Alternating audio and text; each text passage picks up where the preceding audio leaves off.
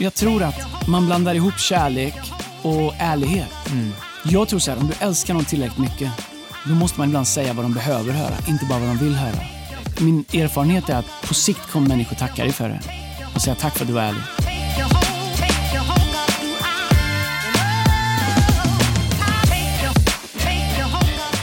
Välkomna tillbaks till ett nytt avsnitt av våran podd Fearless Leadership. Avsnitt nummer 11. 11. 11. Åh, Vem har vi på 11? ja, men alltså det är ju eh, Håkan Södergren eller? Nej, 22. 22 var han, just det. Jag kan Djurgården bättre än dig. It's a shame. Ja, men jag vet inte. Gareth Bale. Håkan Södergren kunde inte skjuta slagskott. Han sköt bara dragare. Ja, han gjorde mycket mål. Nej, ja. OS-guld, VM-guld. Har han 17 SM-guld kanske? Ja, men det har jag inte. Du, vet du vad som är roligt med den här perioden i hösten? Du är alltid på bra humör för det är så tidigt i säsongen så Leksand har fortfarande en chans att vinna SM-guld. Om du ska få någonting avsandat av Andreas, gör det i början av oktober för du är fortfarande glad. There is a chance. Jag vill bara säga att första kedjan i Leksand har gjort 24 poäng på tre matcher. Ja. Det är inte dåligt. Men du hör det själv, tre matcher. Ja, 24 poäng, första Ja, men Tre kedjan. matcher. Ni har torskat alla och Dicken är avstängd. Alla vet att det är sista matchen som är den viktigaste matchen. Det är den man ska Fearless vinna. Leadership är ett avsnitt. Ehm, ni som vi pratar till, ni är mycket bättre att prata med än vad Erik är. Han är hopplös. Andreas, idag ska vi prata om ursäkter. Ursäkter. Ja, eller hur? Vi har en titel till och med, eller hur? Yes, dagens program heter Ursäkter som ingen behöver. Ursäkter som ingen behöver. Jag, ska jag säga vilka som är bäst på ursäkter? Barn. Barn är Små, bra. jag tänker på det nu faktiskt, vi pratade, vi skulle precis prata om ett staff meeting som du hade för typ en timme sen, så det är ju färskt, det borde vara ganska färskt i mitt huvud. Min, min mellanson, Matteo, han är bra på ursäkter. Häromdagen kom jag in i vårt, vi har lagt nytt parkett på golv och eh, då har han ritat, är med gul, blå och röda eh, färger på golvet och då frågade jag, vem är det som gjort det här? Vet du vad? Jag har inte sagt det till dig. Vet du vad han sa? Det är Andreas. det är sant. I don't know, det kanske var det. Jag kan bara säga en sak med barn. Ursäkterna blir bättre och mer sofistikerade ju äldre de blir. Ja, är det så? Mm, expert. Men du, vi ska prata lite grann om ursäkter, eller hur? Ja. Eh, Och du sa en sak eh, eh, i morse, du sa att den som är bra på ursäkter är sällan bra på annat. Mm. Vad menar du med det? Men jag tror att eh, jag tror att alla känner människor, har människor runt omkring sig som har en ursäkt för allting. Ursäkt är ju en snabb väg ur en, ur en liksom trång situation. Och eh, det som är grejen med ursäkter är att eh, till slut kan du lägga så mycket energi på att ge så bra ursäkter så att du lägger mer energi på det än vad det hade krävt att faktiskt göra det du hade behövt göra. Och eh, det, eh, till slut blir du så skicklig på ursäkter så, så det är till slut det enda du är bra på. Vems fel det var, vem som inte har gjort vad, vad du borde ha haft, vad någon borde ha sagt, att ingen har mejlat dig, ingen har ringt, ingen har sagt, du har fel på barndomen, du hade asfalt i sandlådan, du har fel på allting. Och, och, och till slut liksom så är du untouchable för att det finns en ursäkt för allting. Och det är nästan en konstform. Men jag har upptäckt att ju bättre man är på ursäkter, ju sämre är man ofta på det som man verkligen skulle, verkligen skulle göra. Och problemet, eller kanske utmaningen ibland när man släpper in ledarskap i sitt liv, men bara höra lite grann hur du har gjort med det. Har du haft ledare i ditt liv, jag tänker kanske pastor Brian och andra, som har liksom utmanat när du kommer med massa ursäkter, du kanske aldrig kämpar med det.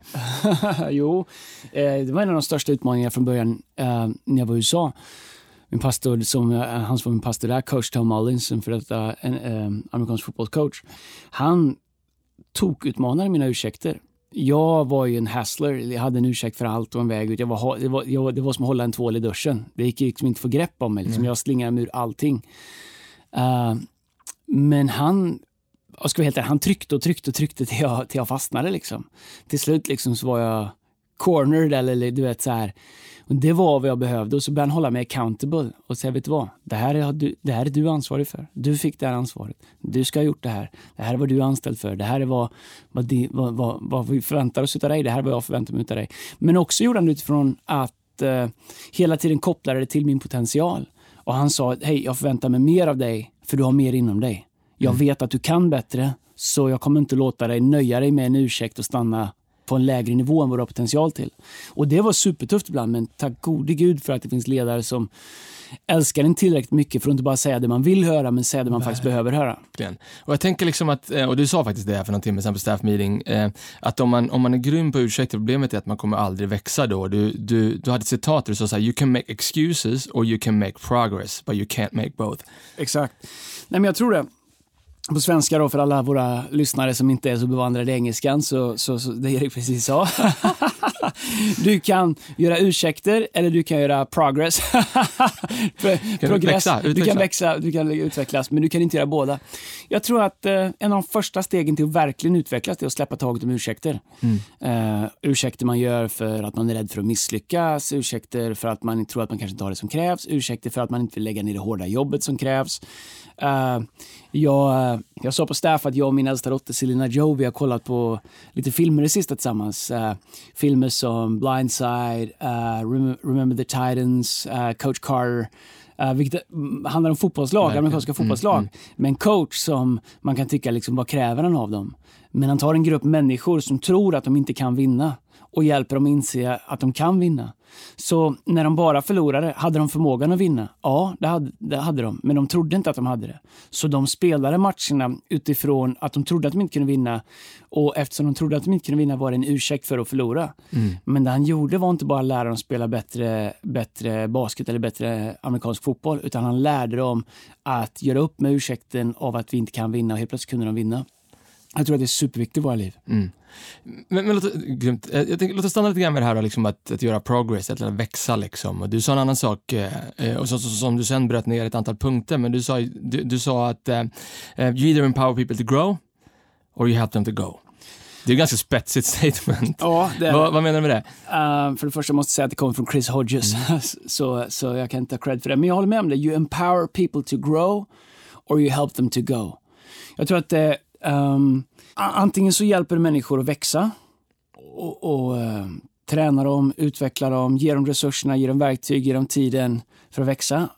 Men kommer du till en punkt där människor inte vill det utan man hellre vill sitta fast och sitta kvar i ursäkter, då måste du hjälpa dem att gå vidare. Um, så att du faktiskt kan hitta någon som är beredd att göra jobbet som behöver, som behöver göras. Och jag vet att vi är i en kyrklig kontext, jag vet att det här är supersensitivt, men ett the end of vi har ett uppdrag. Vi, har, uh, vi är inte bara här för att ta upp tid eller bara för att existera eller bara för att sitta runt en lägereld och sjunga Kumbaya. Det finns utrymme för allt det där också. Men vi är också här faktiskt för att göra någonting. Jesus gav oss ett uppdrag. Och eh, jag tror att eh, för mig som jobbar i kyrkan, vi som jobbar i kyrkan, vi, vi har ju faktiskt eh, vi har lön. Mm. Den lön har vi för människor som jobbar hårt för att, för, för att kunna ge kollekt och annat. Så jag, jag, jag tycker att jag tänker ofta som, som anställd i en kyrka så behöver jag vara minst lika bra som alla andra eller ännu bättre, helst ännu bättre. Så ska jag ha den här rollen, då behöver jag leverera. Men 100 procent. Vi pratar inte om att höra till kyrkan eller vara välkommen i gemenskapen. Vi pratar liksom om att vara ledare, vare sig du är paid eller du är volontärledare, men du har liksom ett förtroende och en ledarroll som där du har fått ett förtroende. Och där, där, där tror jag ju, ju you empower people to grow och you help them to go. Och vi pratar ju om, liksom om, om, om kanske spjutspetsen liksom, och de här som ska hjälpa oss att göra allt det som Gud har lagt i, i våra hjärtan. Jesus var ja. ett grund på det, eller hur? Och hjälpa människor att grow. Och faktiskt på en hel del ställen också them to go, eller hur? Ja, men om man tittar på Jesus gjorde så när han rekryterade sitt första crew på 12 människor sa han om ni vill mm. så kan jag göra det till människofiskare. Uh, då står det genast släppte de näten och följde honom. Så det var ingen pressure, men han sa om ni vill där.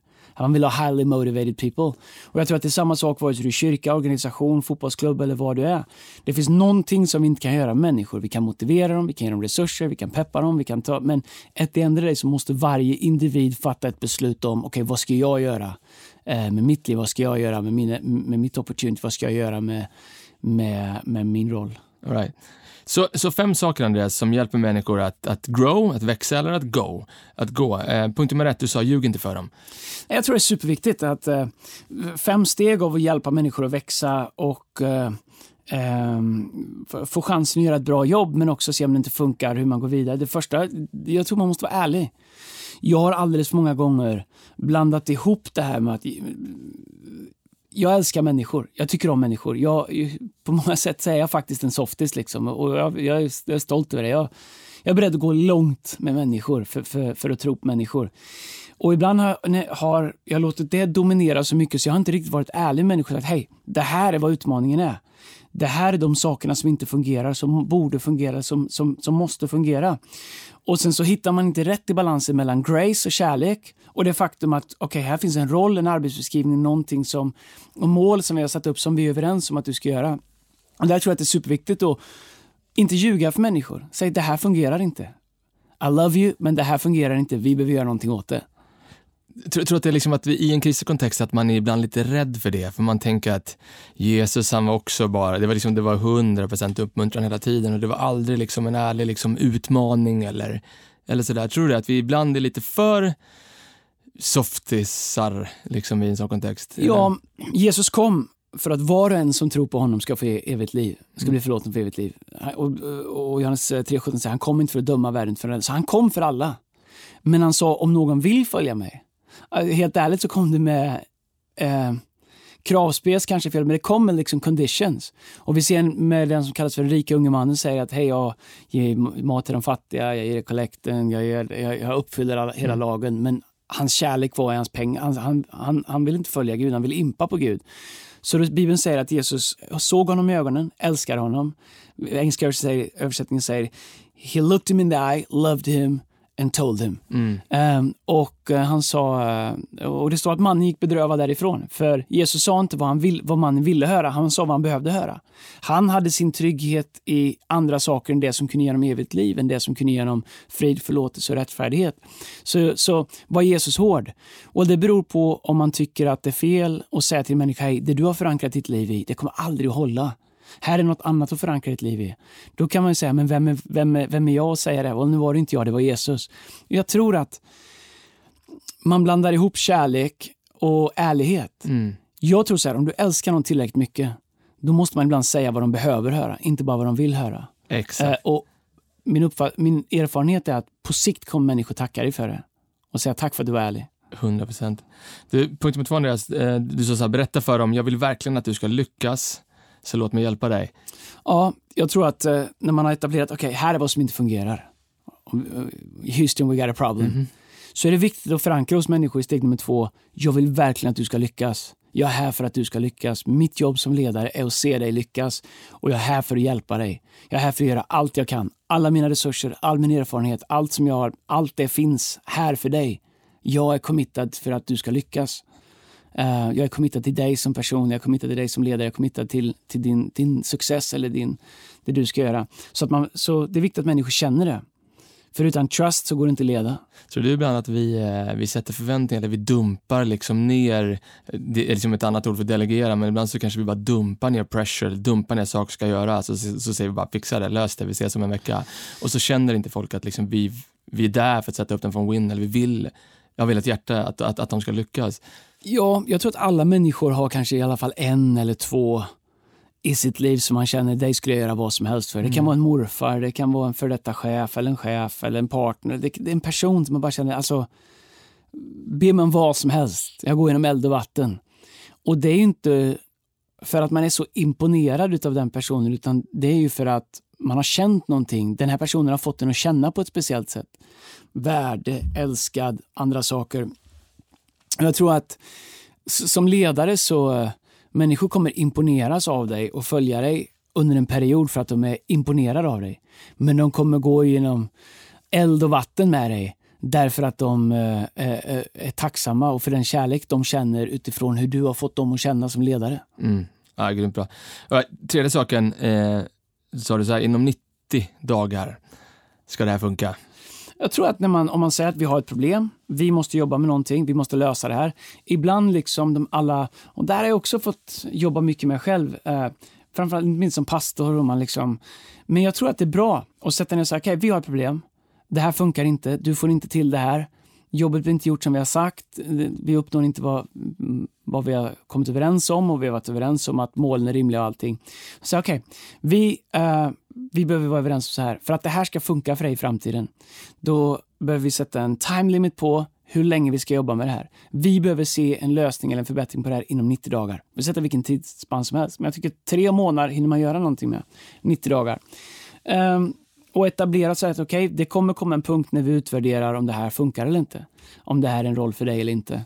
Jag tror att uh, att sätta en, uh, sätta en tid på det är superviktigt. Håller helt med. Och något som vi behöver bli bättre på i vår organisation ibland. Att sätta, okej, okay, det här funkar inte riktigt som vi vill. Du känner det, jag känner det. Okej, okay, vi ska göra allt vi kan för att få det att funka inom 90 dagar. Har vi gjort allt vi kan inom 90 dagar och vi inte får till det här, då är vi överens om att vi måste hitta ett sätt att gå vidare. Exakt. Fjärde saken, vi kommer träffas regelbundet och utvärdera. Ja, Jag tror att det är under en process när man hjälper människor att uppnå saker som inte gjort tidigare eller utvecklas eller eh, olika typer av förbättring så, så är, är det viktigt att göra resan tillsammans med människor. Det är, inte, det är inte så att jag säger hej, det du gör funkar inte. Skärp dig. Du har 90 dagar på dig att fixa det här. Vi ses om 90 dagar.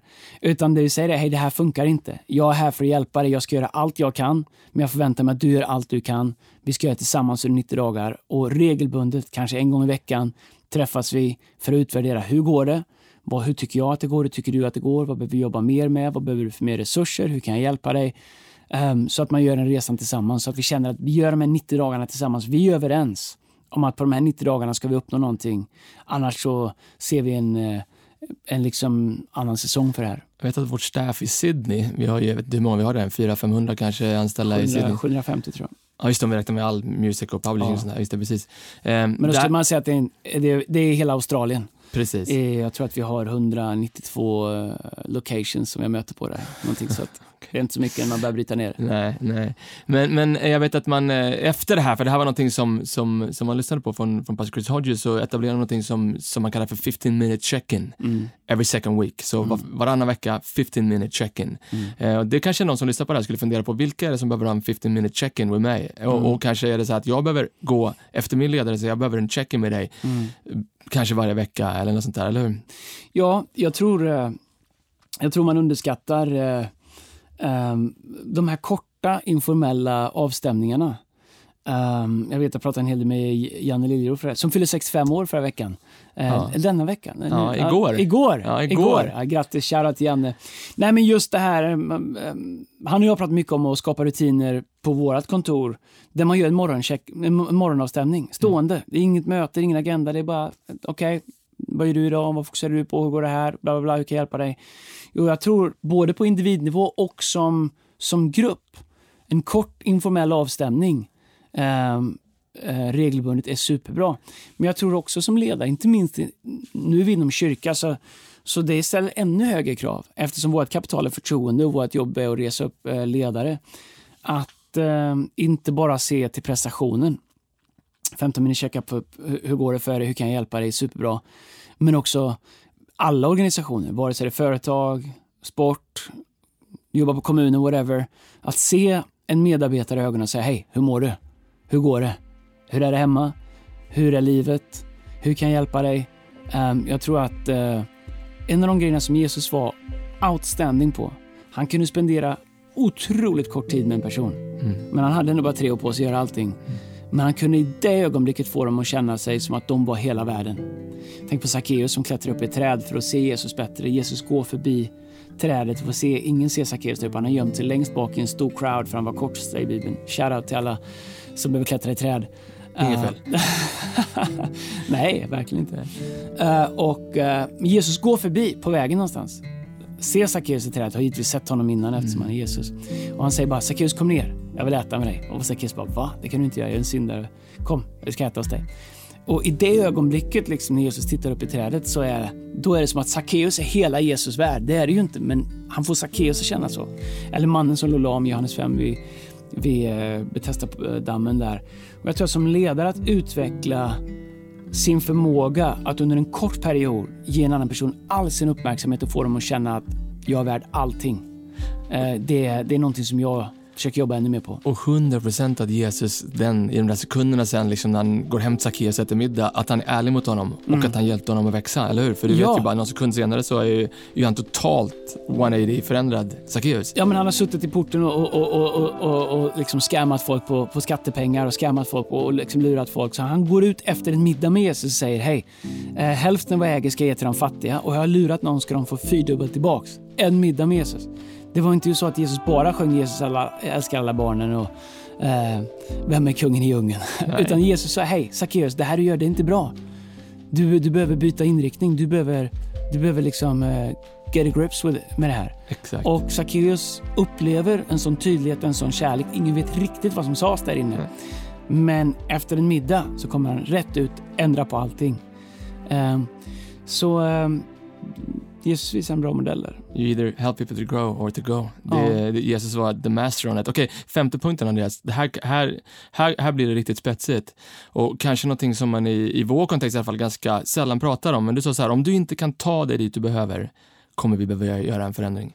Ja, jag tror, att är, jag tror att man behöver vara ärlig med människor och säga hej, det här funkar inte. Jag vill att det ska funka, du vill att det ska funka. Vi har satt en limit på 90 dagar när vi ska jobba på det här. Om vi kommer dit och vi känner att det inte fungerar, då är det ärligt mot dig, det är ärligt mot mig, att vi hittar ett sätt att gå vidare. Eh, en annan roll till dig kanske, eh, hjälpa att transition till något annat, jobba någon annanstans eller leda någonting annat. Men, men jag tror att eh, man behöver våga ibland bara säga hej, det här, vi har gjort ett ärligt försök, vi har, vi har jobbat hårt båda två på att få det att funka, men det här funkar inte. Det här passar inte för dig. Let's call it what it is och eh, faktiskt våga end it. Och är det inte som, om du reflekterar lite grann över de sista 10-15 åren vi gjort, liksom, att när man, när man hjälper människor ibland att go, så hjälper man dem att grow också. Absolut. Även fast det kortsiktigt känns så här, ah, det där gör ont, så på lång sikt så kanske de inte ens var i sin grey zone eller jobbade med de sakerna som de var gifted till att göra. Eller hur? Verkligen. Så ja, absolut. Jag tror att ibland jag har hållit fast i människor, hållit fast i, människor i sin roll eh, längre än vad jag borde gjort. För att jag tror att jag har varit omtänksam. Jag tror att, men egentligen så hjälper jag inte dem. För de sitter ju fast i någonting som inte funkar för dem. Och ibland när man har ryckt av plåstret och det har varit smärtsamt och kanske tårar ibland. Så ser man tre månader senare att de är i en annan säsong, i en annan roll, där de blomstrar. Eh, och eh, det finns staff som jag har haft som har jobbat åt mig som jag hade velat ha kvar för alltid. Men där vi har känt okej, det är dags att gå vidare. Eh, och, och jag ser att okej, det var rätt för de blomstrar ännu mer i en annan roll någon annanstans. Och då måste man också som chef eller som ledare säga, hej vet du vad? It's time to cut you loose. Eh, för din skull. Eh, för, för jag tror att det finns andra saker för dig. Eh, och inte vara självisk och egoistisk eh, som eh, ledare. Okej. Men jag tänker så här, Andreas, kanske avslutningsvis då, kanske vi kan avsluta prata lite grann, så när man väl har hittat de här som vill växa och man hittar ett sätt att hjälpa dem att växa, kan vi inte prata lite grann om vinna? Alltså för alla människor vill ju egentligen vinna i livet, eller hur? Ja, jag, jag, jag tror att ett sätt att hjälpa människor att vinna, det är ju att bygga deras självförtroende, bygga deras egen förmåga, bygga hur de ser sig själva. Och eh, ett sätt att göra det är att stack wins, vi kallar det stack, att liksom stapla wins på varandra. Eh, och jag tror att det är, det är någonting som vi som ledare behöver vara bra på, att hjälpa människor att känna att de kan trä ihop några vinster. Man brukar prata om hockeylag och fotbollslag, att man försöker trä ihop vinster, komma in i ett, i, i liksom ett stim av, av, att du vinner. Och när du gör det så kanske du förlorar en match, men du hittar tillbaks ganska snabbt. En dålig match kanske är oavgjort istället för förlust för att du, du trär ihop vinster, du skapar vinnande vanor. Och jag tror att ibland så bara tar vi in folk och vi ger dem en roll och vi sätter krav på dem och ger, vi ger dem lite resurser och verktyg och så hoppas vi att det ska gå. Men att hjälpa människor att vinna, att skapa wins åt dem, kanske så att de inte ens förstår alltid att vi, vi skapar wins åt dem, är jätteviktigt. Vi kallar det ibland för S-bag. Eh, short but achievable goals. Alltså korta men uppnåbara mål. Den här Chris Hodges grej som jag tycker är jättebra. Short but achievable goals. Jag tror att ibland vi sätter långsiktiga mål. Vi lanserar precis att vi, vi tror att, eh, att Gud har kallat oss till att starta tio nya campusar i tio nya städer på tio år. Det är long term goals. Men jag tror att man behöver hjälpa människor att ha short term goals. Jag tror att innan söndag kan du. Jag tror att i Youth den här sommaren. Jag tror att eh, eh, de, de närmsta två veckorna så kan du göra det här. Jag ska hjälpa dig och, och sen så hjälper man dem att lyckas med det. Så staplar man vinster på varandra. Så bygger man. För ledare, det är, jag tror att det är något som Gud kallar. Men ledare byggs också. Och ledare bygger ledare. Och det är ett jätteansvar för oss som ledare att bygga, vin, bygga, bygga liksom vanan att vinna, vanan att lyckas. Van, eh, liksom, eh, att våga sträcka sig, att våga satsa, att våga vinna. För eh, ibland så är det safeare att förlora än vad det är att vinna, för du måste riska någonting för att vinna. Och det är så rätt det du säger nu. Jag tror att så många människor kanske behöver lära sig att vinna. För att om du går tillbaka till dig själv och du säger så här, kom på någonting som är dåligt med dig själv så kan du säga kom på hundra saker. Men någonting, säg någonting som är bra, du vet, med kroppen och whatever, så tar det lång tid. Och, och, och, och du sa en grej, du sa så här eh, för någon timme sedan, ingen behöver lära sig förlora, men alla behöver lära sig att vinna. Ja, jag tror det. Det, det, det, det är precis som du säger, vi är så snabba med att tala om vad som inte är bra. Och, och har vi, har vi liksom i det, då kommer vi börja göra ursäkter och börja framea våra liksom performance där kring, vårt värde där kring, vårt liv runt kring, vår outlook på världen där kring. Men, men, men jag tror att det finns massa bra människor som kan göra massa bra saker om de bara lär sig att vinna. Eh, och då börjar man med små wins. Vi har ju något som vi kallar för take the win. Går det fira så är det värt att fira. Eh, och, och eh, jag tror att det var, jag, jag tror också liksom att eh, Paulus säger det, jag löper för att vinna. Jag skuggboxas inte. Han säger, jag, jag, jag, jag, jag, jag, jag, liksom, jag tränar min kropp, jag får liksom hårdare än en elitidrottsman. Han säger att jag löper för att vinna, för att jag har målet i sikte för att få en segerkrans ifrån Gud. Han vill komma till Gud en dag och få ett well done. Han vill inte säga nej, jag sprang inte för jag visste inte om jag skulle komma fram. Och, och, och jag älskar att bo i Sverige, men om det är någonting som jag som jag verkligen fick med mig, som var bra med USA. Det var saker som gjorde att jag flyttade hem. Jag älskar Sverige, men, men där, det, det är inte fult att vilja göra någonting. Jag älskar när jag hör människor som, jag träffade en god vän idag som har varit i LA i några månader, han pendlar emellan. Och när jag träffar honom så, han drömmer stort, han är svensk, han har, han, men det är liksom, han har slutat skämmas för det. Han är ödmjuk, en av de mest ödmjuka människor jag känner, haft supermycket framgång, någon som alla vet vem det är. Men har ha det här liksom att jag vill vinna, jag vill göra bra grejer. Ja, vi säger ju att vi ska bygga en kyrka som förvandlar en nation. Mm. En del kan tycka att ni har ju hybris. Det har vi verkligen inte. Mer att vi liksom darrar på manschetten. Mm. Hur gör vi ens det? Va, vilka är vi och hur ska vi kunna göra det? Men jag vill inte bygga en kyrka som inte förvandlar en nation. Jag vill inte bygga en kyrka som inte förvandlar någonting. Jag vill ju bygga en kyrka som förvandlar en nation. Ingen aning om vad det kommer kosta, vad jag behöver göra, men I'm all in. Uh, och uh, ibland behöver man våga säga vad det är man vill vinna. Ibland måste, man våga säga, jag ska bli bra på det här, jag ska bli en bra ledare, jag ska bli en bra pappa, jag ska bli en, bli en bra make. Jag ska vinna det, jag ska göra allt jag kan, jag ska ta all hjälp jag kan, jag ska committa mig till det, jag ska bli stretchad, jag ska grow.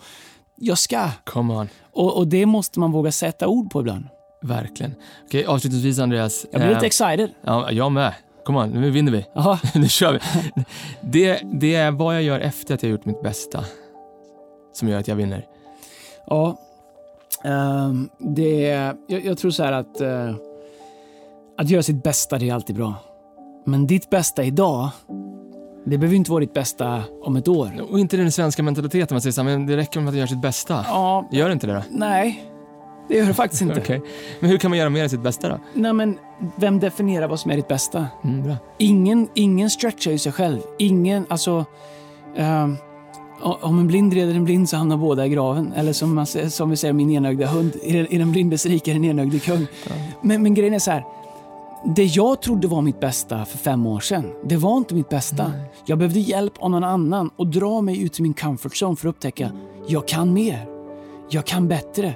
Jag kan hjälpa ännu fler, jag kan betyda mer, jag kan, jag kan leda bättre. Och jag upptäcker det hela tiden. Men om jag ska hela tiden säga, men jag gjorde mitt bästa. Det ska vi alltid göra. Jag fattar vad man säger. Det är bra. Gör ditt bästa. Men det är det du låter människor dra dig ut i, utanför din comfort zone, i en stretch, i liksom det som du kanske inte ens alltid vill. Utanför det du känner är allt du kan, eller det bästa du kan. Någon som säger, vet du vad? Du tror att det är det bästa, men jag ser mer i dig. Jag ser mer potential, jag ser mer talang, jag ser mer begåvning, jag ser mer anointing, jag ser mer... Du, du tror att det här är ditt bästa. Vänta bara, det finns så mycket mer. Och då, behöv, då, då, då behöver man en annan människa säga, vet du vad? Jag kommer inte låta dig säga att det är det bästa. Jag kommer låta dig göra ditt bästa, sen kommer jag pusha dig lite, lite till. Och du kommer tycka att det är ibland too much, du kommer tycka att jag är oförstående ibland. Men men det är för att jag ser mer i dig än det du säger är ditt bästa. Och utan det så kommer ingen växa förbi än det vi själva definierar som vårt bästa. Sjukt bra. Tack Andreas. Eh, jag tror vi stannar där. Vi, vi, eh, vi har pratat om att växa. Eh, och det hoppas jag att du som har lyssnat på det här känner att du har gjort. Att du blir lite utmanad, kanske lite provocerad, men att du kanske går till dig själv och funderar på hur ska jag växa i den här säsongen och ta hjälp. Om du har frågor, mejla oss på fearless.hillson.se. Vi läser alla mejl som kommer in. Skicka in frågor om saker och ting du tycker att vi borde uh, prata om i den här podden. Yes, alright. Well, tack för att ni är med oss. Uh, kul att prata ledarskap. Uh, vi kallar det här ursäkter som ingen behöver. Gör inte ursäkter, utan lev ditt bästa liv. Uh, omge dig med ledare, med människor som kan hjälpa dig att dra åt det bästa. Ha det så bra, så ses vi om några veckor igen. En del tycker vi ska börja göra det här varje vecka. Vi får väl se. Kom igen. Alltså... Kanske. Let's go. Let's right. go. Säg. Om, så här, om Leksand fortsätter spela bra, då kommer du vara på bra humör. Då kan vi få köra om en vecka. Men annars vet jag att det kan bli rätt tunga avsnitt här. Så be för Leksand också. Ja, äh, bönar har inte hjälpt förut för jag, dem. Men jag håller ju även på Malmö FF för fotboll och det går ju bra. Äh, grejen är så här, äh, vi gör den här podden inte för att vi behöver mer att göra. Vi gör den för att vi älskar ledarskap, vi gör det för att vi vill att det ska vara en resurs för andra. Men finns det saker, vi har fått en del förslag äh, som du tror att vi kan prata om som hjälper dig. Så mejla in det, ge oss förslag så kanske vi växlar upp till varje vecka. Vi får se. 100 procent. Ha en bra vecka. Vi ses. LEF.